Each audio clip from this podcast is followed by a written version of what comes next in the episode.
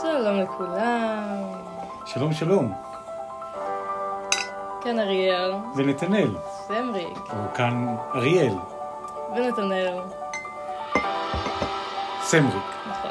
תיקים באפלה, זה הפודקאסט שלנו השבועי, כאשר הפעם, כמו בכל שבוע, מהמם. אחד מציג לשני אירוע סביב מקרי פשע אמיתיים עם גילויים חדשים. אפשר להגיד משהו רגע על הקונטקסט של, הפרק הקודם? בוודאי שאפשר להגיד. אז um, הסאונד שם לא מעט, השארנו אותו כי פרק מטורף, מעניין. אבל רק להגיד שאנחנו... קיבלנו תגובות. בעיקר שלי, כן? בהחלט, גם זה כי זה התגובות. בדיוק. אבל אנחנו פשוט רוצים לחדד לכם את ההקשבה העמוקה לכל מילה שאנחנו אומרים. לפעמים אנחנו מדייקים את הבלנס תוך כדי תנועה. נכון. ואנחנו מדברים בקול רם יותר, מגבירים. אתה רומז לי משהו? לא, אנחנו מרגישה שזה מגבירים. שזה אישי מאוד. אנחנו מגבירים. אחד הדברים המרתקים בפודקאסט, שכל שבוע אחד מכין לשני, והשני בעצם מה אנחנו עושים כאן? אבא, ספר לנו. פשע אמיתי, פשע אמיתי. מביאים ממקורות גלויים וסמויים, תחקירים, הקלטות, סיפורים, תכנים מרתקים על מקרי פשע אמיתיים, כל פרק על נושא אחר, אבל השני, שומע את זה איתכם בפעם הראשונה. ויכול לשאול, ויכול להגיב, פותחים את הנושא לדיון. בדיוק.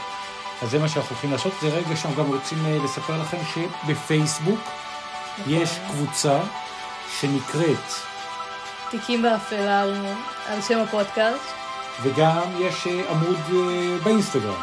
תיקים באפלה, אתם מוזמנים כן. לעקוב, אתם מוזמנים להצטרף, אתם מוזמנים להגיב, לשתף רק את מי שאתם חושבים שהתוכן הזה יכול לרתק אותו ולהועיל לו.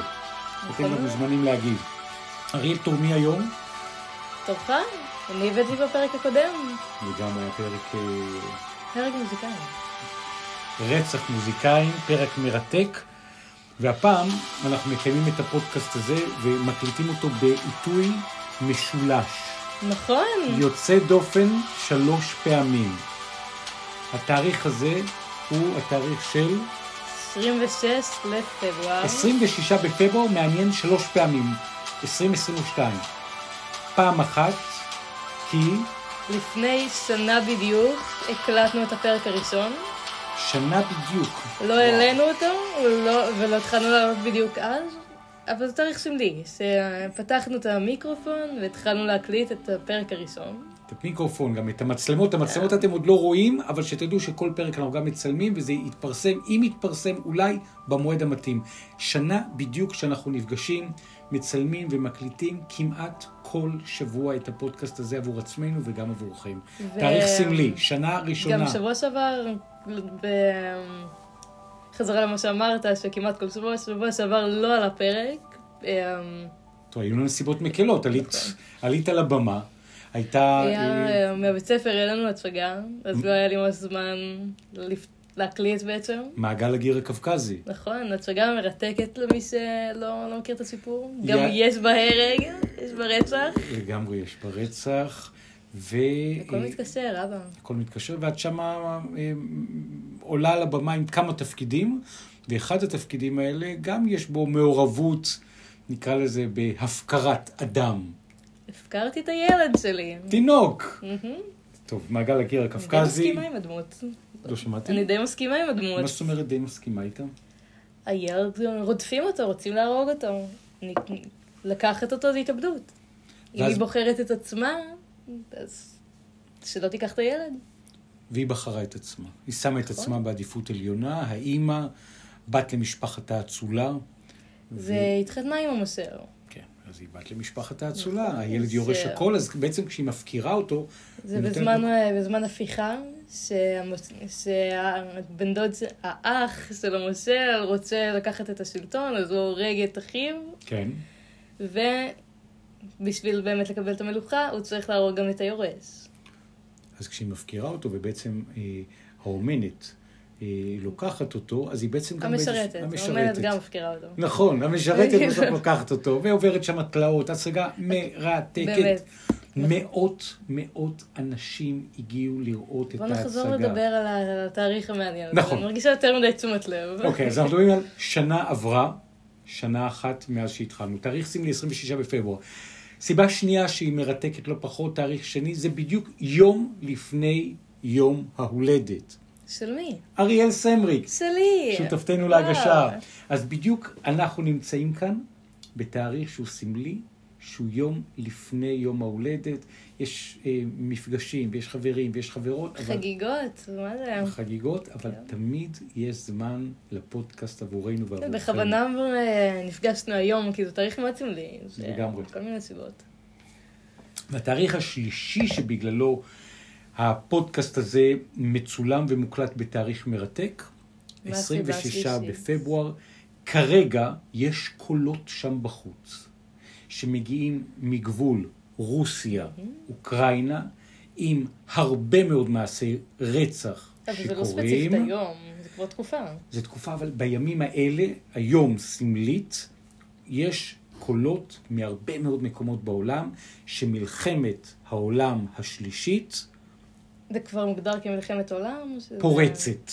יכול להיות שהיא תהיה מוגבלת בהיקף שלה, יכול להיות שהיא תהיה מוגבלת בטריטוריה שלה, אבל לראשונה באירופה, מאז לא- מלחמת העולם השנייה, כל הכוחות מעורבים בהצהרות, יש את פוטין, ויש את אה, ביידן, ויש את אה, מנהיג אוקראינה, ויש את השתיקה הסינית, ויש את ראש ממשלת ישראל, ועוד מנהיגים באירופה, בבריטניה, ג'ונסון ובגרמניה, הקאנצלר, כולם מדברים, והכל נמצא באבק של נקודת רתיחה, עם חשש לרצח עם, חשש להשתלטות עוינת גדולה מאוד של הרוסים על אוקראינה. ולדימיר פוטין, בכל כלי התקשורת מדברים עליו. אנחנו גם ב-26 בפברואר. זה היה מהפך מאוד אה, מחדשות מרגשות למלחמת עולם שלישית. הכל קורה, וואי וואי. הכל קורה. לאזן את החדשות הטובות. מרים להנחתה. בדיוק, הכל קורה, ולכן אה, בחרתי הפעם להפתיע? אותך, אריאל, ולעשות אני באמת ביחד. מסוקרנת, עבדת פה קודם על הפרטים, העלית את התכנים, הייתי צריכה לשבת מחוץ לחדר עד שנתנאל יסיים לארגן פה, אני, אני לא יודעת עדיין מה קורה פה. אז אני הולך להגיד לך מה שקורה פה. אנחנו הולכים לדבר על כרגע מה אנחנו הולכים לדבר? על הרוצחים ההמוניים הכי גדולים בהיסטוריה האנושית, שעשו את מעשי הרצח או הטבח, או אם הם יושבים פה באולפן, היו אומרים, הגנה עצמית, בשם האידיאולוגיה, בשם המפלגה. בשם המולדת והמדינה, כאילו רוצחים פטרי, פטריוטים? בדיוק. ואז במקום הזה, העולם מתבונן עליהם אחרת. הם לא הטד בנדים, כן, זה, אבל... זה הם- מתקשר למה מביא אדם לרצוח. בדיוק. איזה חבר לכיתה העלה לי, כאילו, מה, הוא הקשיב לפרק והעלה לי שאלה של למה, כשאנשים מסתכלים על רוצח סדרתי כמפלצת, למה מסתכלים על חייל שיצא לו להרוג אנשים כגיבור? אז זה מתקשר. באמת שאלה מרתקת שהוא העלה, וזה נושא שכמובן את תוכלי, אם תרצי, לפתח יחד גם עם המאזינים והצופים, סביב השאלה, האם חייל שהורג הרבה חיילים מצד השני הוא רוצח המוני, או עושה את זה כי הוא מילה פקודה של הצבא. פה, בהשראת הנקודה הזאת שסיפרת לי, ובהשראת המלחמה שנמצאת כרגע בהקלטה הזאת בעיצומה, והיא בטח תימשך עוד זמן, אנחנו מדברים על המנהיגים, אלה שאומרים ולוחצים על הכפתור אלה שלחצו האדום, על הטריגר או שהציבו את הפקודה? שמי שנתנו את הפקודה לצאת לקרב, ומאחוריהם שובל של הרבה מאוד רוצחים. ואני רוצה לגעת בנקודה אחת ספציפית היום, וזה יהיה פתח אולי אחר כך ליצור פרק מכל אחד מהמקרים, הילדות. Hmm. מה בילדות שלהם יכול להיות רמז מטרים שהם יהפכו להיות מנהיגים צמאי דם, קרי רוח, מפעילי צבא, ומאחוריהם מעשי רצח של אלפים, או של עשרות אלפים, או של מיליונים, ובדוגמאות שנראה פה, עשרות מיליונים. אז אנחנו נניח פה אתה דוגמאות... חושב שזה אצל כולם בילדות, או. שמנטליות שהתפתחה? מיד תראי פרטים מרתקים בילדות של כולם, שאפשר לדעת שזה חלק מפצע בביוגרפיה שלהם. האם זה מצדיק? לא בהכרח. האם זה מניח את הדעת? לא בהכרח, אבל כשבאים להכיר אדם, אנחנו תמיד מנסים גם לצלול לעומק וגם להבין את התמונה הגדולה. זאת אומרת, מאיפה הוא הגיע, מה השורשים הרגשיים, הביוגרפיים שלו, ואנחנו ניגע היום בארבעה שמות. ארבעה. ארבעה בקצרה.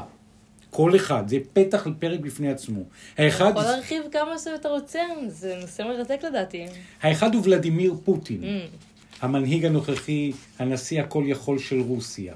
השני, נקודת ההשראה שלו, איש שהוא מאוד מאוד מדבר בשבחו, קוראים לו יוסיף סטלין, המנהיג הרוסי החתום על עשרות מיליוני הרוגים ומתנגדים. אנחנו נדבר גם על אדולף היטלר, וואו.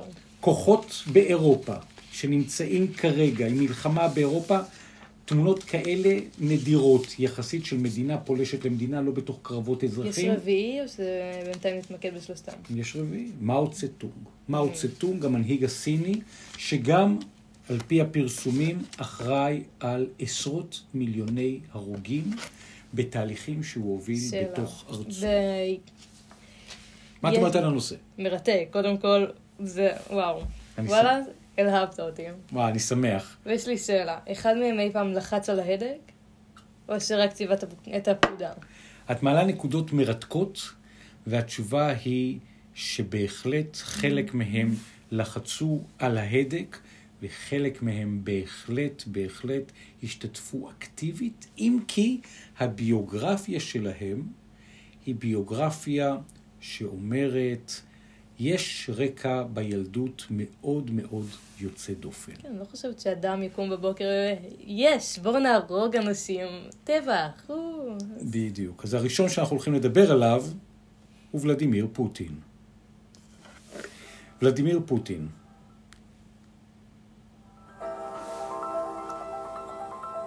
הוא מדינאי רוסי, הוא נולד באוקטובר 1952 במאה הקודמת, ועכשיו, משנת 2018, הוא בקדנציה הרביעית שלו, כבר וואו. כנשיא רוסיה. הוא היה גם נשיא ב-1999, הוא היה בן 2008, והוא כרגע מוביל כוחות למלחמה כדי לקבוע ולמסגר שליטה רוסית בקייב. ויש פה בכללי כזה- הצבא הרוסי הוא כבר שנים מעצמה מאוד אה, אימפריה מאוד חזקה. נכון מאוד. אימפריה חזקה, והוא נבחר שוב ושוב בבחירות שהן לא בחירות עד הסוף דמוקרטיות, כמו שאתם יכולים להניח. זו רוסיה, אבל הוא זוכה ברוב אדיר, ויש שם שקט בתוך המדינה הזאתי. וולדימיר פוטין מעורר עליו הרבה מאוד ביקורת כרגע מכל העולם וגם קולות פנימיים. יחד עם הפופולריות שלו. וכשאנחנו הולכים לתוך הילדות שלו, יש סיפור בביוגרפיה שלו שהוא סיפור מרתק, וזה, אנחנו נדבר ונעמיק באחד הפרקים הבאים על המאסרים שלו ועל ההרעלות שלו, לכאורה, של דמויות פוליטיות שמנסות לבוא בחשבון, אבל אנחנו מדברים פה כרגע על רוצחים המוניים, אז uh, נדבר רגע אחד על uh, פוטין. הוא נולד בלנינגרד, לאימא שלו קראו מריה פוטינה, והיא בת לבית שלומוב. חוץ מזה, לאבא של ולדימיר פוטין קראו ולדימיר ספירידונוביץ' כל הרוסים בקהל מסוכסקים. פוטין. פוטין. הוא היה, עבד במקצוע של מלאך בצי הסובייטי. שימו לב לפרט הבא. באמצע שנות ה-30 נולדו לזוג שני ילדים שמתו בינקותם. שתיים היו משפחה ממעמד. הם היו משפחה ממעמד עובדים, אנשי עבודה. לא מעמד גבוה מדי, הם מתו בילדותם, אחד מהם כתוצאה מהמצור על לנינגרד.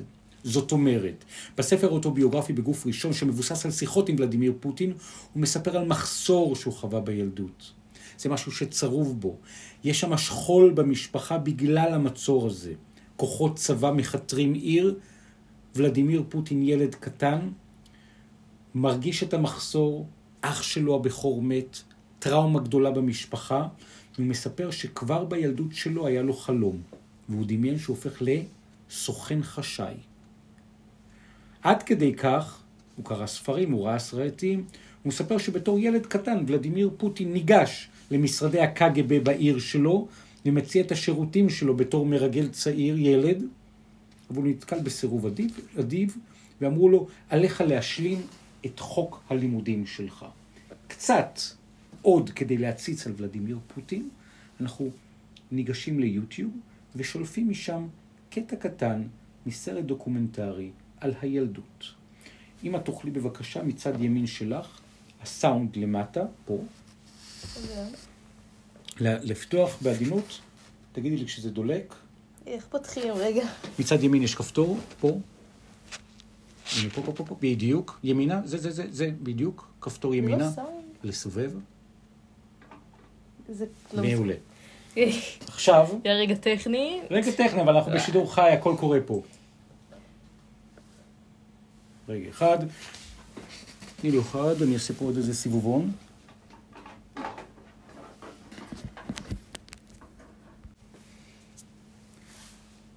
אנחנו נמצאים כאן כרגע בתוך הקלטה, מתוך יוטיוב, של סרט דוקומנטרי. והסרט הדוקומנטרי הזה מספר את סיפור הילדות של ולדימיר פוטין, הילד, הבן של האימא, זוכרים מצור, תחושת מחסור, מי הוא ולדימיר פוטין, ואיך הוביל אותו להיות אחד הדיקטטורים המובילים של המאה הזאת. But they both died before he was born. שני האחים. Vladimir's grandfather was apparently a talented chef who cooked for Vladimir Lenin and Joseph Stalin. As a young man, Putin spent a lot of time in the streets of Leningrad, which was in bad shape after losing 800,000 people at the hands of a relentless Nazi siege. He became a hooligan and jumped at any chance to brawl. זאת אומרת, אנחנו שומעים שהוא היה חוליגן, הוא היה נער רחוב אכזרי, הוא היה ילד אלים, הוא השתתף בקטטות, הוא לומד קארטה, שימו לב. In sixth grade, he found an outlet for that aggression in Sambo, a Soviet martial art combining karate and wrestling. קראטה. Eventually, he took up judo too, and currently holds a sixth degree black belt in the sport. Influenced by movies and books, a young Vladimir also developed a desire to become a spy. At the suggestion of a KGB recruiter, Putin went to university. Soon after finishing, Putin entered the KGB, the main security agency of the Soviet Union. זאת אומרת, כבר בתוך הילדות את רואה את הסימנים.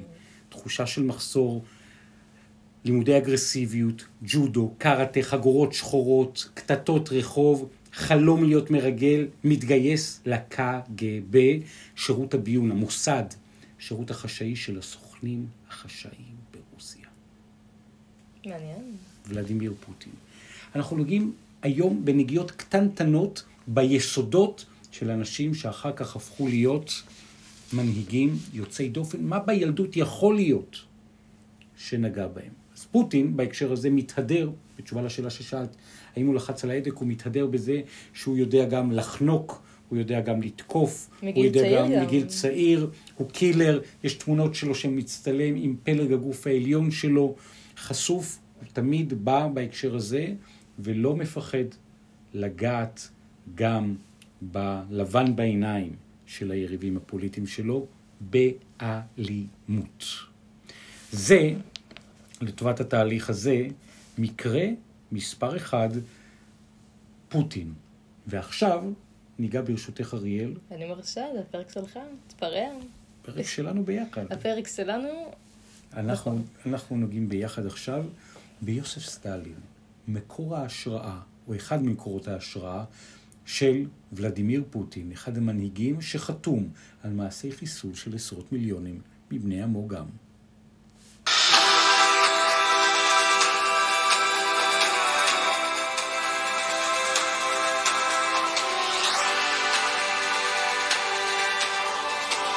לפחות לפי הפרסומים באינטרנט ולפי ההיסטוריות, סטלין היה אחד מרוצחי ההמונים הגדולים בהיסטוריה. אומדן הקורבנות שלו נע סביב 11 מיליון, ולפעמים 40 מיליון. תלוי איך סופרים. הוא נחשב לאחד מגדולי העריצים של המאה ה-20.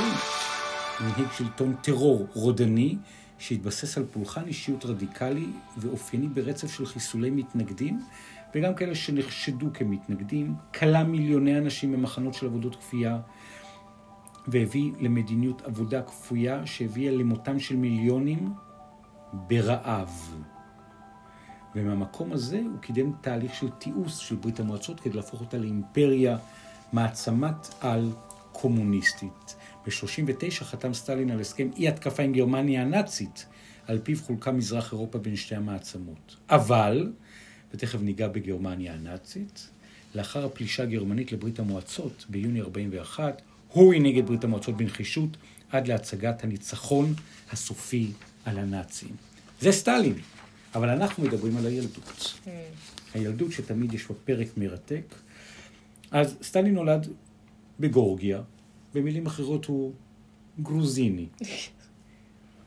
בעיר גורי, אז חלק מהאימפריה הרוסית, קראו לו יוסב בסרה יוניב דזה גורשווילי.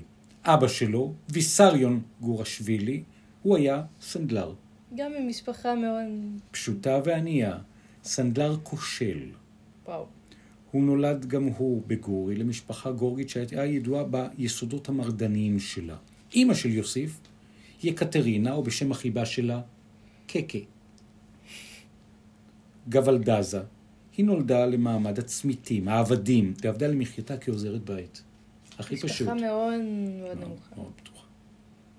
בילדות נהגה הם לקרוא לו סוסו. זה המקבילה הגורגית ליוסי. סוסו זה שם החיבה של אחד מרוצחי ההמונים הגדולים בהיסטוריה האנושית בשם האידיאולוגיה והמפלגה. יוסף היה הילד השלישי במפלגה. במשפחה. כן, במשפחה. שני האחים הראשונים מתו בינקותם ממחלה. ידעת את הקשר, או שגילית אותו תוך כדי מחקר? תוך כדי מחקר. כי זה מעניין. זה מדהים, גם אצלו וגם אצל פוטין. שני האחים הראשונים מתים בינקותם. הוא נולד אז? מי? שהאחים שלו מתו. עם הולדתו החליטה אמו ליעדו לכמורה כהוקרה לאלוהים על ששרד. הוא כן שרד. נכון, אבל הוא הכיר את האחים שלו? בתור ממש, אולי זיכרון ילדות קדום. אבל בסופו של דבר, גם אם הוא לא מכיר אותה ממש, כשאתה גדל לתוך משפחה שיש שם טראומת שכול כפולה של שני אחים, זה משהו שבסופו של דבר נותן את האותות שלו. כן, בעצם הגישה של ההורים. בדיוק. אז גם שם, יש שם מקרה מוות יוצא דופן של שני האחים, ובילדות הוא היה נער מקהלה. חמוד. כן, במסגרת הכנסייה האורתודוקסית הרוסית. אבא שלו, אלכוהוליסט, פחות חמוד. נהג להכות אותו ואת אמו, ובאחת הפעמים הטיח אב את בנו על הרצפה. וואו. כתוצאה מהחבלות יוסף סבל מהפרשת דם בשתן. נפגע קשה כמה ימים. מצבו של האבא השיכור הידרדר עד שאימו החלה להיאבק בו, ולבסוף האב אולץ לעבוד את הבית תוך שנפגע המעמד שלו. האבא חזר פעם אחת לעיירה, אך לא הצליח לשקם את המעמד, ולאחר בריחה נוספת לא חזר יותר. בילדות הנהיג יוסיף ג'וגשווילי, סטלין, חבורת ילדים. פתח גנג. בעיר התחתית, שהתחרו עם ילדי העשירים, ולמרות הכוח הפיזי הדל שלו, וכל מיני מחלות שהוא סבל מהם, בין היתר, אבעבועות שחורות, החלים. יד שמאלית הייתה קצרה מיד ימין, לא החלים. סבל מצליעה עקב תאונה שעבר בגיל 12. הוא הצליח לגבש סביבו חבורת בריונים שסרו למשמעותו. האם נזכרים עכשיו שהיה עוד בריון בילדות ברחובות רוסיה? Mm. פוטין, סטלין, ומבין החבורה, נראה לי הם ממש חיפשו להרגיש כוח מסוים שהם לא הרגישו בבית. לגמרי, שבבית הם היו חדלי אישים, חלשים, מוכים, עם משפחה של שכול, משפחה מסכנה, פוסט-טראומטית, והשלישייה הזאתי של הבריונים שסרו למשמעתו, הם היו לו שלושה חברים קרובים במיוחד שביצעו בנאמנות את הפקודות שלו, גם הפקודות האפלות, וגם כשעולה לשלטון סטלין. הוא המשיך לדאוג להם.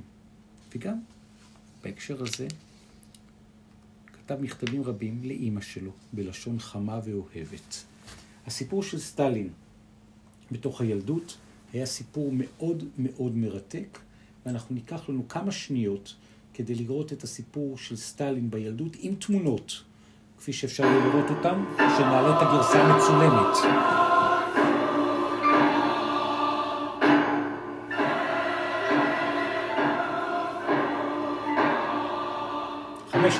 גיל 23.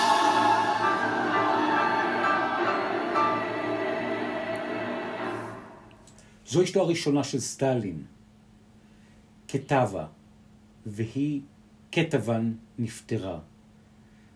והוא אומר, With her died my last warm feelings for humanity gone.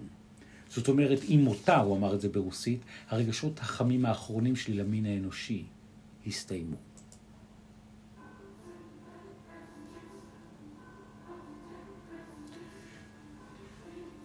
כך הוא היה בשנות הצעירות שלו, הוא נראה באמת פרחח. אני יכולה אולי לשים את זה ב...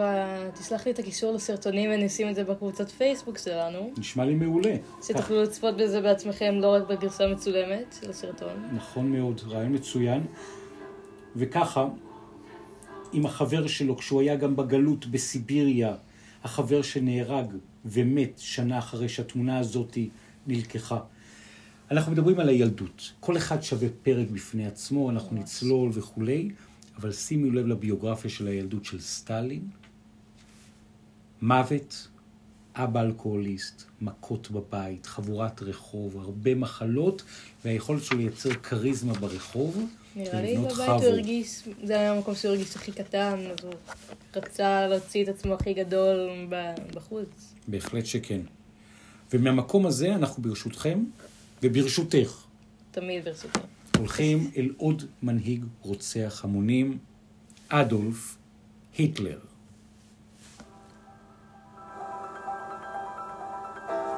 הקאנצלר והפירר של גרמניה הנאצית בשנים 1933 1945, מנהיג המפלגה הנאצית, משנת 1921, עד שהוא התאבד בבונקר בברלין. מה קרה בילדות שלו? האם יש רמזים מתרימים? כי התמונות כרגע שמגיעות מאוקראינה גבול רוסיה, הן תמונות שמזכירות להרבה אנשים פלישות נאציות למדינות שכנות.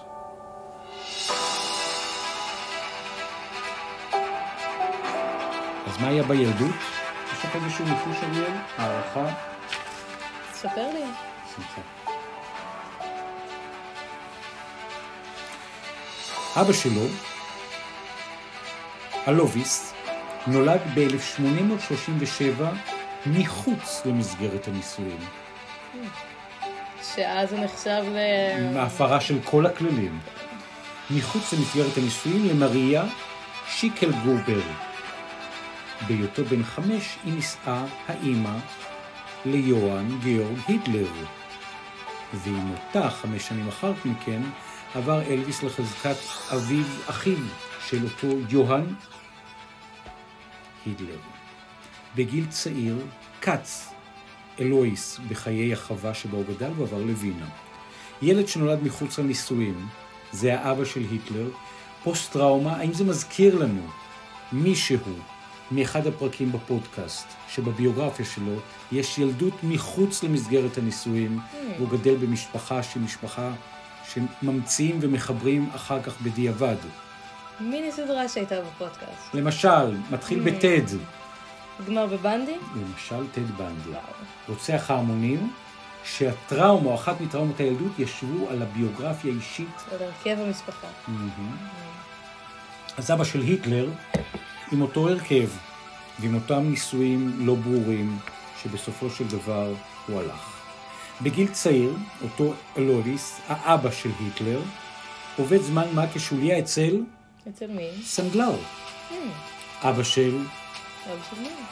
סטלין, גם הוא עבד כסנדלר. וואי וואי, את הכל אה, סיפור מוצא קישור לסיפור שקדם אותו. הכל מחובר, הם רק לוקחים ומחברים בין הנקודות בתוך הילדות. מאוחר יותר מצליח להתמונות לפקיד במכס, זה היה מינוי מאוד מאוד נחשב, והוא התקדם עד למפקח ועוזר מפקח, אבל ההשכלה שלו הייתה השכלה פשוטה, של איש בבית הספר היסודי.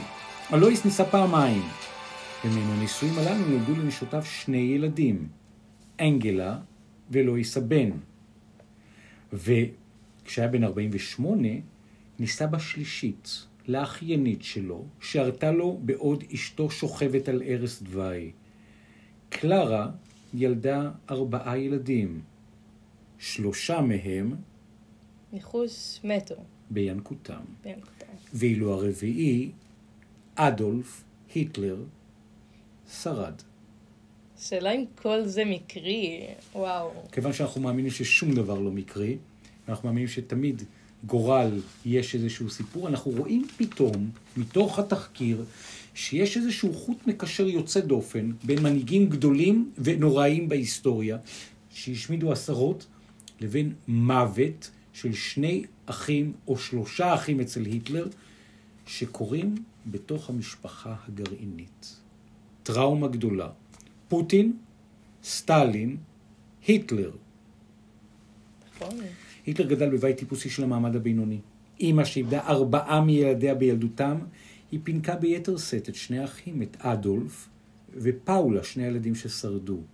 אבל האבא, אלויס, היה אדם קשה, נטול חמלה, קצר רוח, חובב, היו לו שני תחביבים, עישון ו... שתייה? ברור. Mm. והוא העדיף לעסוק בתחביב שלו. קברנות, לא עם קוף, עם כף, לדבורים, או לשתות בירה עם הידידים, כדי להגיע בגילופין הביתה. עכשיו, אבא פורש לפנסיה, היטלר הצעיר סופג מאביו מהלומות על בסיס יום-יומי, קצת כמו סטלין. המתח בין האב והבן גובר עם המוות של אחיו, ואז בעצם אדולף נותר הבן היחיד ומוקד השאיפות של האבא. והיטלר, כך הוא רוצה, שהוא ימשיך ויעבוד בשירות הממשלתי בתור פקיד, בתור לבלר. אבל היטלר לא נוטה לתוכנית הזאת בכלל, ואז הוא מקבל מכות עוד יום ועוד יום ועוד יום ועוד איזה יום. כעס שנאגר בהם, צמרות כוח. יכול להיות, יכול להיות. כי הנשמה שלהם מגומדת, הם מושפלים על ידי האבא. היטלר, כשהוא היה כמעט בן 14, קורה אירוע מאוד דרמטי בחיים שלו. האבא המכה מת. Mm. מדימום מפתיע בריאות, והוא נעלם מהחיים שלו. קצת כמו שסטלין, האבא פתאום המכה נעלם כי הוא מגורש מהבית. והוא מועף מהבית, ואז הוא באיזשהו שלב לא חוזר. זאת אומרת, דמות האב שפתאום נעלמת, הדמות שמקטינה. הדמות שמקטינה, הדמות שמתעללת, הדמות שגורמת נזק, היא בסופו של דבר הדמות. והציור, תמונה הזאת שאנחנו רואים בילדות, אתה רואה אותה פה אריאל? אני רואה, היטלר הילד. חמוד. כן, הוא נראה באמת חמוד. שוב נציץ לקטע דוקומנטרי קטן מתוך הילדות של אדולף היטלר. Hitler was born as Adolphus Hitler in 1889 in a small town in Austria-Hungary. His father Alois changed his name to Alois Hitler when his mother married עכשיו שימו לב, נורא יפה התמונה שאנחנו עוצרים פה ורואים, השפם. Mm. לאבא יש שפם מאוד משמעותי, את השפם של היטלר לא צריך להציג, וגם לסטלין יש שפם מאוד משמעותי בתוך הדמויות שלו, וגם זה היה חלק מסימן ההיכר שלו, של סטלין הנער. רואים את סטלין המנהיג, תמיד השפם היה ביטוי לגבריות היוצאת דופן שלו. his stepfather. He was a mid-level customs officer. He married multiple times before marrying Hitler's mother Clara. The couple had three children who all died young. So when the fourth child, Adolf, was born, she spoiled him left, right, and center. The family moved around due to Hitler. זאת אומרת, הפינוקים, הטראומה של הילדות, המקום הזה שאדולף היטלר בסופו של דבר גדל במשפחה פוסט-טראומטית הוא נצר שנשאר, ואז מעתירים עליו גם חלומות, גם פינוקים, פינוקים במובן חסר הגבולות של המילה. נראה לי האמא מנסה להחזיק אותו שם בכוח של...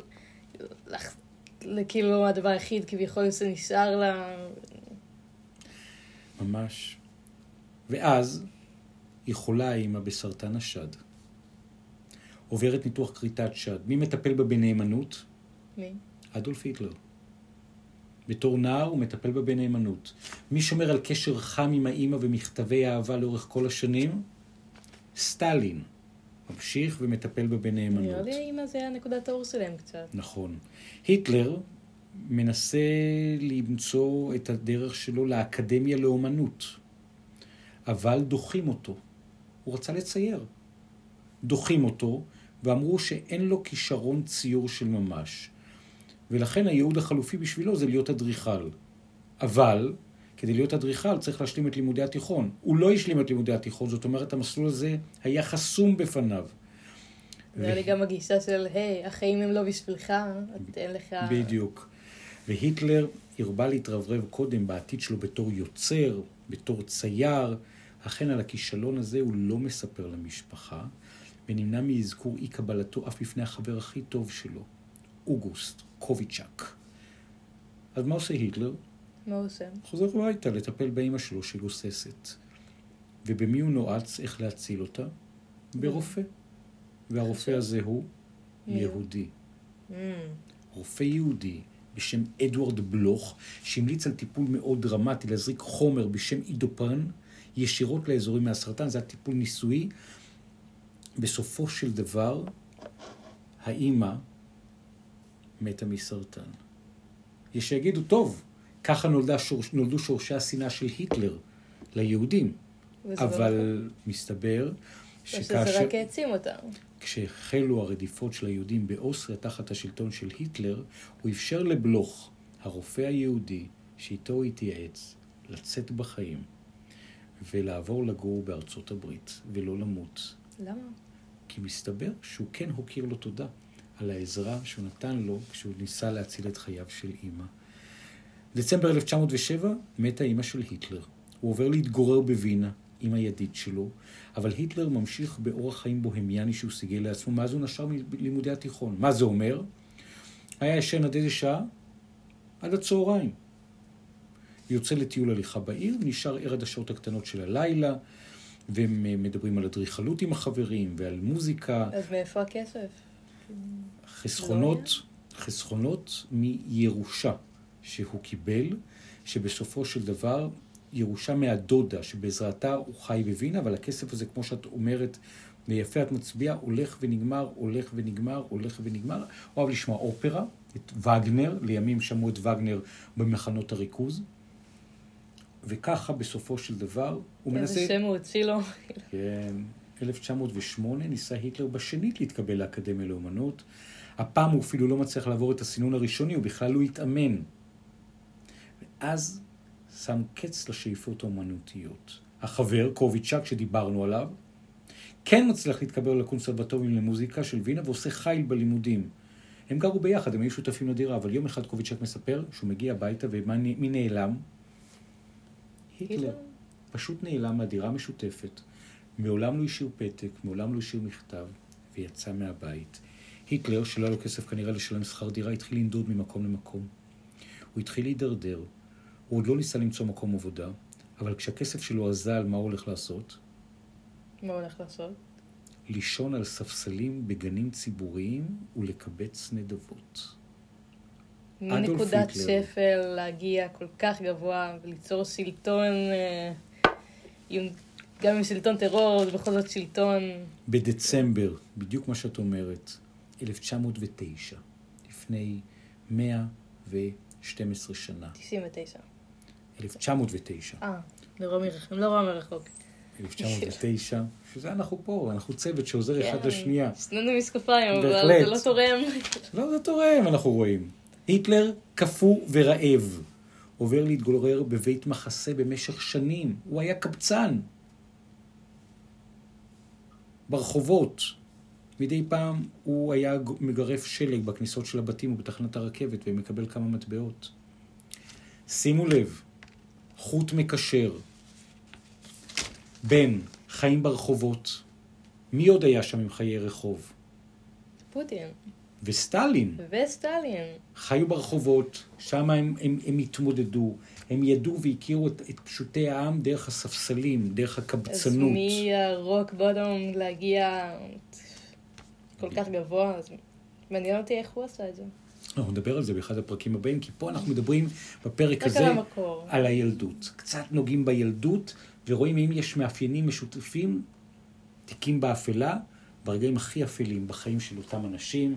עוד טעימה אחת מתוך הדוקו על הילדות של היטלר.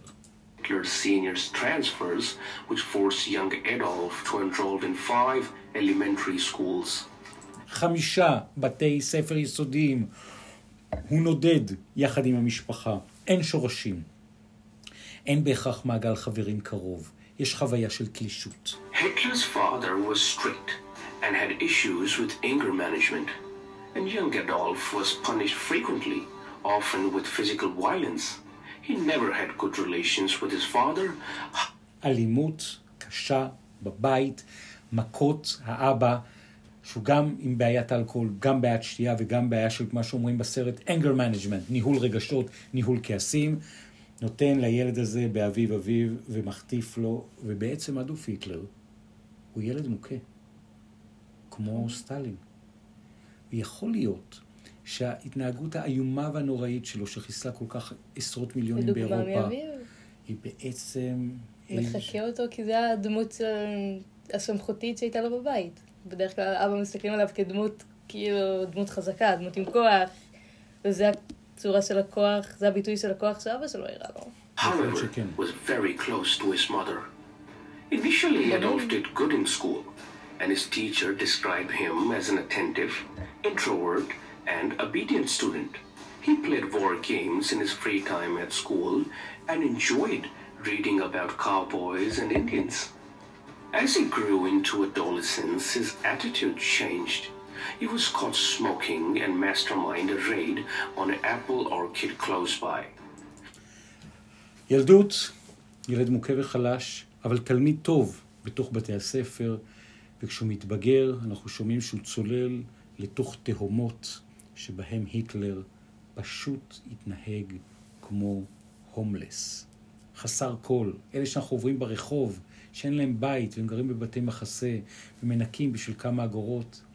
הילדות, הנערות, תחילת הדרך של אדולף היטלר, הרוצח, מהאיומים שהאנושות ידעה וגידלה.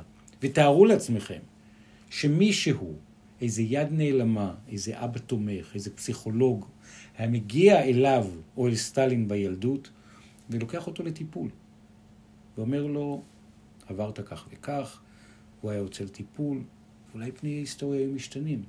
היה מלמד אותו איך לקחת את זה, וזה רלוונטי גם בטד בנדי, וזה רלוונטי גם עם הזוג אחים מננדז, אחי מננדז. שגם שם התעללות בילדות, ואבא הפרק מכה. לא עלה, אבל סיפור של שני אחים שרצחו את, את ההורים שלהם אחרי שנים של התעללות. אנחנו נעלה את הפרק מתישהו במועד המתאים אם יתאים. נכון. אבל זה סיפורים מדהימים מאוד. שיש שם, יש שהגיעו איזה מארצות משפט הברית. של שניהם ביוטיוב, זה מאוד מרתק. אני רוצה ברשותכם להספיק בפרק הזה, ואם תסכימי, עוד נגיעה אחת קטנה, ועוד. עוד מנהיג אחד, שלפי הפרסומים, התחקירים, הספרים וההיסטוריה, הוא יצר תוכנית שנקראה בסין הקפיצה הגדולה קדימה. תוכנית פיתוח, קצת כמו של סטלין, שגרמה למותם ברעב של עשרות מיליוני סינים. ואחר כך הוא יצר, כשהמעמד שלו התערער, מאו צטונג, הוא יצר גם מהפכת תרבות וקמפיין שיצר כאוס ורציחות פוליטיות וגבה חיים של עשרות מיליוני סינים נוספים.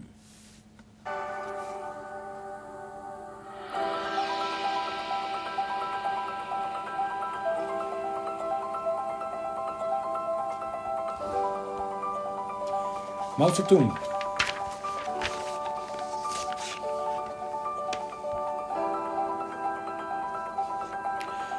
סיפור שמגיע מסין. אחד המנהיגים העוצמתיים גם כן של האנושות, נחשב דמות מיתית בסין, וגם מאחוריו עשרות מיליונים של מתים. קטע אחד מתוך סרט דוקו על מאו צטונג, הילדות. אנחנו נותנים נגיעה קטנה בילדות גם שלו. Outsiders take advantage of the political chaos in China.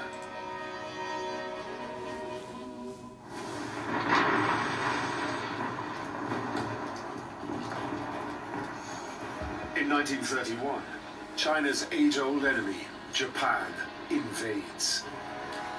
הימים היו ימי It הפלישה. seizes the entire northern province of Manchuria. חבל מנצ'וריה נופל גם על ידי הכוחות היפנים. The nationalist government puts up a fight, but it's not enough. הממשלה הסינית מנסה A להילחם, אבל זה full-scale לא מספיק. Japanese invasion is on the cards. The communists try to take advantage of the mayhem to topple the nationalists, but fail. Mao's name is made during a year-long retreat to evade the nationalist army, the so-called Long March of 1935. הצעדה הגדולה שהתחילה אחרי שהכוחות הסינים שמאו השתייך אליהם בעצם ניגפים, וגם שם חוויה של מצור, וגם שם חוויה של כוחות צבא גדל, גדולים משתלטים וצרים והורגים בתוך הסינים. אצל מי עוד זה קרה? Hmm, אצל מי עוד? קרה גם אצל היטלר, אצל היטלר. קרה גם אצל סטלין, קרה גם אצל פוטין. החוויה שמוטמעת כאשר כוחות מבחוץ גדולים, ויש משהו בילדות מאוד לא יציב, ויש סכנת מלחמה, ויש מתים מסביב, צורבת בתחושה את המקום שהם חייבים כדי למנוע את המלחמה הבאה, דווקא לייצר מלחמה, לייצב שלטון, והם הופכים להיות המבוגרים האחראים של האומה, כפי שהם היו חולמים, שהיו מקבלים את תחושת המוגנות הזאת בילדות שלהם. משפט אחד על הילדות שלו, היא בסופו של דבר ההתחלה, והיא תמיד מרתקת. מאו צטונג, אחת העבודות הראשונות שלו, מקבל עבודה בתור עוזר ספרן. הוא אדם שמפתח את אהבת הקריאה אצל ילדי סין.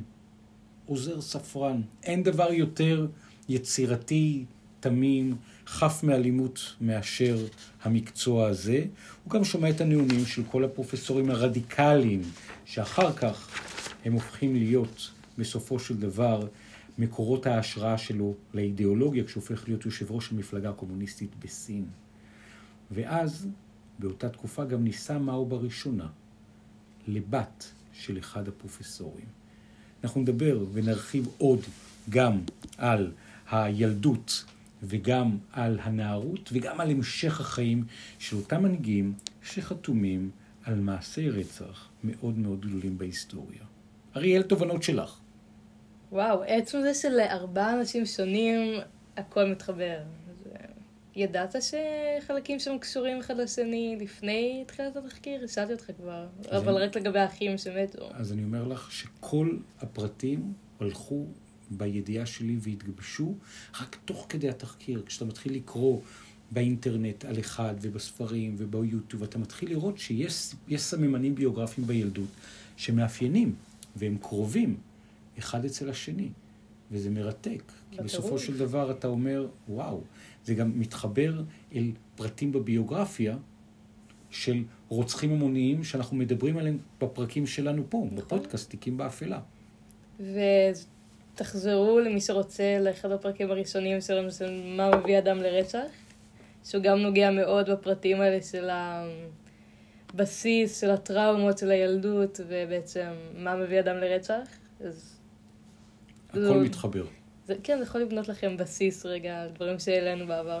חשוב לומר את המובן מאליו, אנחנו אומרים פה אריאל כל פעם, שום דבר לא מצדיק רצח. רצח הוא רצח הוא רצח של אדם אחד, נכון. של עשרה, של מאות, של אלפים, של מיליונים, או של עשרות מיליונים, אבל כשמסתכלים על התמונה הגדולה ושואלים למה, למה רוצח נהיה רוצח, שזה אחד הפרקים המרתקים שאת הבאת בסדרה, אפשר להבין שיש פרטים בביוגרפיה שיוצרים איזה כאב, איזה שריטה, איזה פצע בליבו של אדם, שחלק מהיכולת לנתח מה קרה, הוא היכולת להבין בסופו של דבר מהי טראומת הילדות, שמתוכה כל החיים שלו בעצם. כן, כי תכלס, עד גיל שבע, אם לא טועה, קראתי איפשהו שאתה בעצם שואב פרטים מהסביבה, אתה מתפתח כבן אדם. אם עד גיל מסוים אתה סופג מההורים שאמורים להיות הגב שלך, שאמורים לשמור עליך אלימות, זה לא הכי... אולי האישיות שלך תתפתח למקום של לחפש כוח בדברים אחרים. בהחלט שכן. ואם- כוח זה, אז זה אלימות אצלם. ו- ועוד דבר אחד שאני חושב שמה שמאוד היה עוזר להם זה טיפול. חד משמעית. יש אבל משפחות שזה בושה ללכת לטיפול. בטח בשנים ההם, בטח בתקופה הזאת. וגם אצל היטלר למשל, אין תקציב. זה גר ברחוב. כן, אבל בילדות המוקדמת הייתה ירושה, הוא רצה להיות אומן, הוא רצה להיות צייר, סגרו לו את הדלת, והיתר זאת היסטוריה קודרת. נראה לי ויתר על עצמו. ויתר על עצמו ובנה את עצמו מחדש בדרך מעוותת. אריאל סמריק, תיקים באפלה. נתנאל סמריק, הנה זה קורה. תודה רבה לכם. תודה לך, אבא.